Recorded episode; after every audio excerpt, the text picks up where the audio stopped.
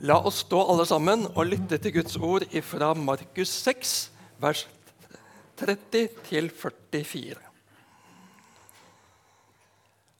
Apostlene samlet seg igjen hos Jesus og fortalte ham om alt de hadde gjort, og alt de hadde lært folket.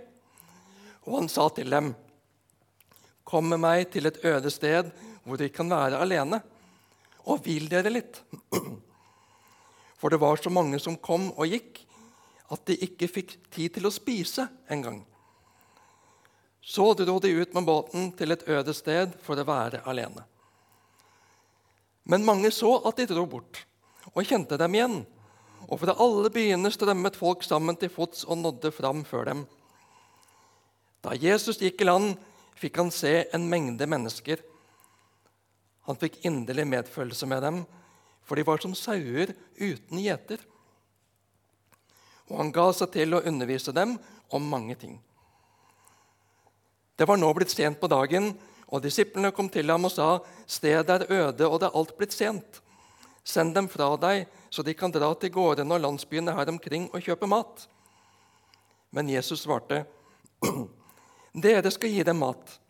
De sa, Skal vi kanskje gå og kjøpe brød for 200 denarer, så de kan få spise? 'Hvor mange brød har dere?' spurte han. 'Gå og se etter.' Da de hadde gjort det, sa de, 'Fem brød og to fisker.' Så sa han at de skulle la alle danne matlag og sette seg i det grønne gresset. Og de slo seg ned, rekke ved rekke, noen på 100 og noen på 50. Så tok han de fem brødene og de to fiskene, løftet blikket mot himmelen og ba takkebønnen brøt brødene i stykker og ga til disiplene for at de skulle dele ut til folk. De to fiskene delte han også ut til alle. Og alle spiste og ble mette. Etterpå samlet de opp tolv fulle kurver med brødstykker og fisk. Det var 5000 menn som hadde spist. Slik lyder Herrens ord. Vær så god, sitt. Var det noen som mimra tilbake til søndagsskoledagene når de hørte denne teksten? Så du for deg flanellografbildene av Jesus og de fem brødene og to fiskene? Forhåpentligvis gode minner. Men minnene bringer med seg en risiko. At en ikke hører skikkelig etter. At vi ikke lar Jesus tale til deg og meg at vi ikke lar Guds ord tale til deg og meg, til den vi er nå. Og er du her som hører denne fortellingen for første gang, da vil jeg si gratulerer. Jeg vil at vi alle skal prøve å lytte som deg til teksten, til Jesus, til Guds ord. Som om vi ikke har hørt det før. La Jesus få tale friskt og nytt inn i ditt og mitt liv, inn i ditt og mitt sinn. Ikke at vi skal legge bort alt vi har lært, men prøve å rive bort vanesløret. Rive bort filteret som skaper en distanse. En autopilot som ikke virkelig lytter, men spørre Jesus. Jesus, hva vil du si meg nå? Hellige Ånd, hva vil du si til meg i dag?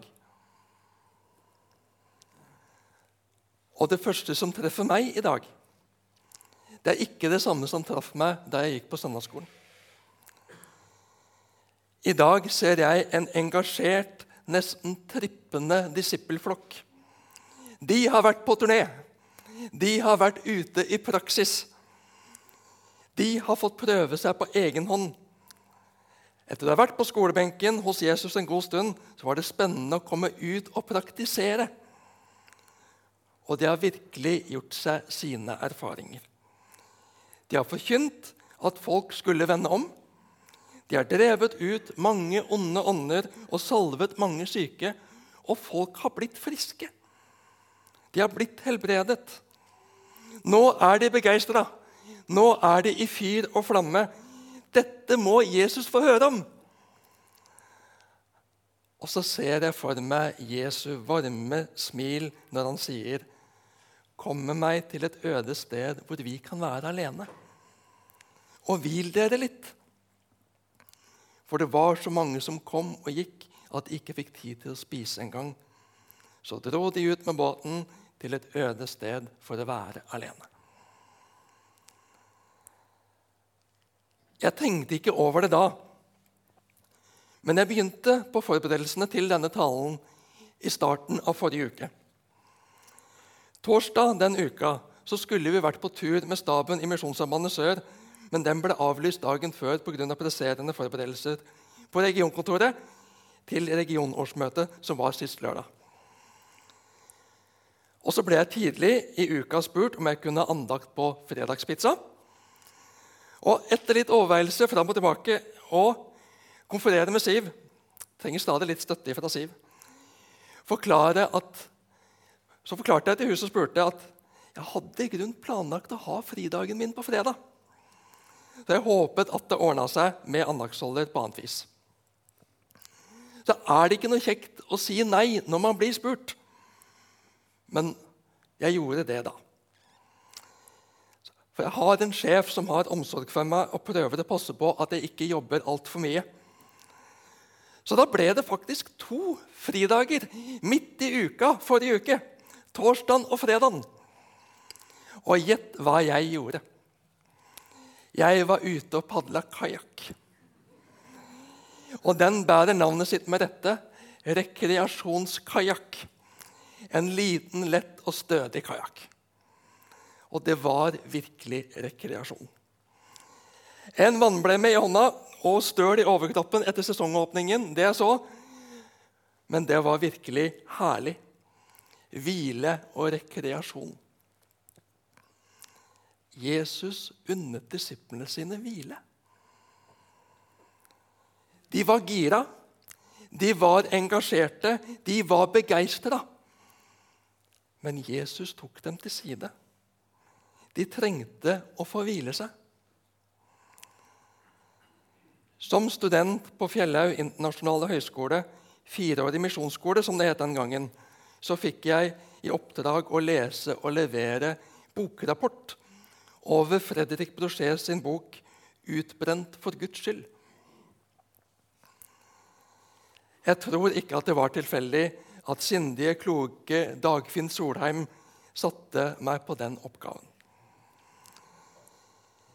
Det er ganske mange kristne arbeidere som har gått på en smell i tjenesten. De ville så mye. De brant så sterkt. Og så tok de ikke hviledagen og kroppens behov for hvile på alvor. En tenkte kanskje at når en tjener Gud, så er det ikke så farlig. Men Gud har omsorg for deg. Jesus har omsorg for deg, for kroppen din du trenger hvile. Og du skal få hvile med god samvittighet. Gud hvilte selv på den sjuende dagen etter å ha skapt alt. Hvorfor skal vi heve oss over det? Vi lever i et samfunn som krever rimelig mye av oss. Og Gjennom koronapandemien med utbredt bruk av hjemmekontor så har grensene mellom arbeid og fritid blitt utydeligere for mange. Og mange kjenner på kravet om å være tilgjengelig 24-7. Om det er i arbeid eller det er sosialt. Mange kjenner på et prestasjonskrav. At en må lykkes på så mange arenaer. Med jobb, med studier, en viss forventning til videreutdanning, trening. En må se bra ut, hjemmet må se bra ut. Og jeg må ha en ferie som jeg kan fortelle om og ikke minst så er mange unge redd for å gå glipp av noe. Så de må være påkobla på så mange kanaler og plattformer og apper. Og der er det ikke snakk om arbeidstid og hviletid, så det går lett utover nattesøvnen. Før så mange unge fram til helga alt en skulle gjøre i helga. Nå er mange unge slitne når helga kommer. Med alle muligheter foran oss opplever vi at det stilles så høye krav til oss. Ytre stemmer og indre stemmer forventer at vi skal yte det ytterste på så mange arenaer. Det er ikke rart at folk blir slitne, at folk blir sykmeldte. Og så er vi en engasjert menighet som vil mye. Vi vil være mye for mange. Vi trenger å skape gode kristne møteplasser for, alle, for de ulike alderstrinn, så de ikke forsvinner ut av menigheten, ut av det kristne fellesskapet og mister troen på Jesus. Vi vil nå flere. Vi vil ikke ha nok med oss sjøl. Vi vil være lys for hverandre. Lys for byen, ja, lys for verden. Verden for Kristus. Og det er flott. Det er viktig, og det er bra. Jeg er så takknemlig for å få være en del av en engasjert menighet. En menighet som vil følge Jesus, en menighet som vil tjene Jesus. En menighet som vil ta Guds, Guds ord på alvor, også i en tid hvor samfunnet ikke har særlig respekt for Guds ord. Men vi må passe på at vi ikke hopper bukk over deler av Guds ord. For da er vi ikke bibeltro. Gud har gitt oss en hviledag i gave. Hvile hver uke. Og da må vi vokte oss så vi ikke fyller den med all verdens aktiviteter og mål og ting som vi skal rekke, men være villige til å ta imot hvilen. Være ikke prestere, ikke gjøre, ikke få til, men være og hvile. Koble av oppgavene og koble på relasjonen til far. I dag avslutter muslimene fastemåneden ramadan. Den kristne kirke avsluttet fasten til påske. I hvilken grad vi overholder fastetradisjonene, er ikke det avgjørende. Men vi trenger mer enn noen gang å koble av.